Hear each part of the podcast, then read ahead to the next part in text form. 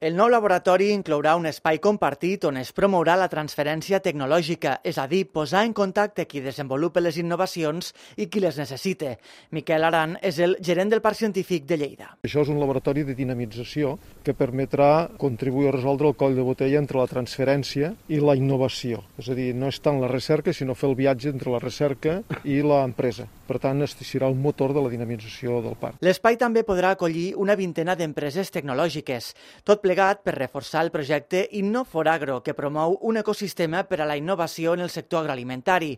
Nacho Compans n'és el director. Les empreses avui en dia no competeixen com competien abans, moltes vegades comparteixen necessitats i les comparteixen per crear dinàmiques si podem aconseguir fomentar aquestes dinàmiques a partir de les accions que fem, estem promovent la innovació, la incorporació d'innovació per part de les empreses. L'AgroLiving Lab permetrà recuperar l'antiga capitania d'artilleria del Turó de Gardeny, un edifici on es va arribar a projectar la seu central de la Conselleria d'Agricultura.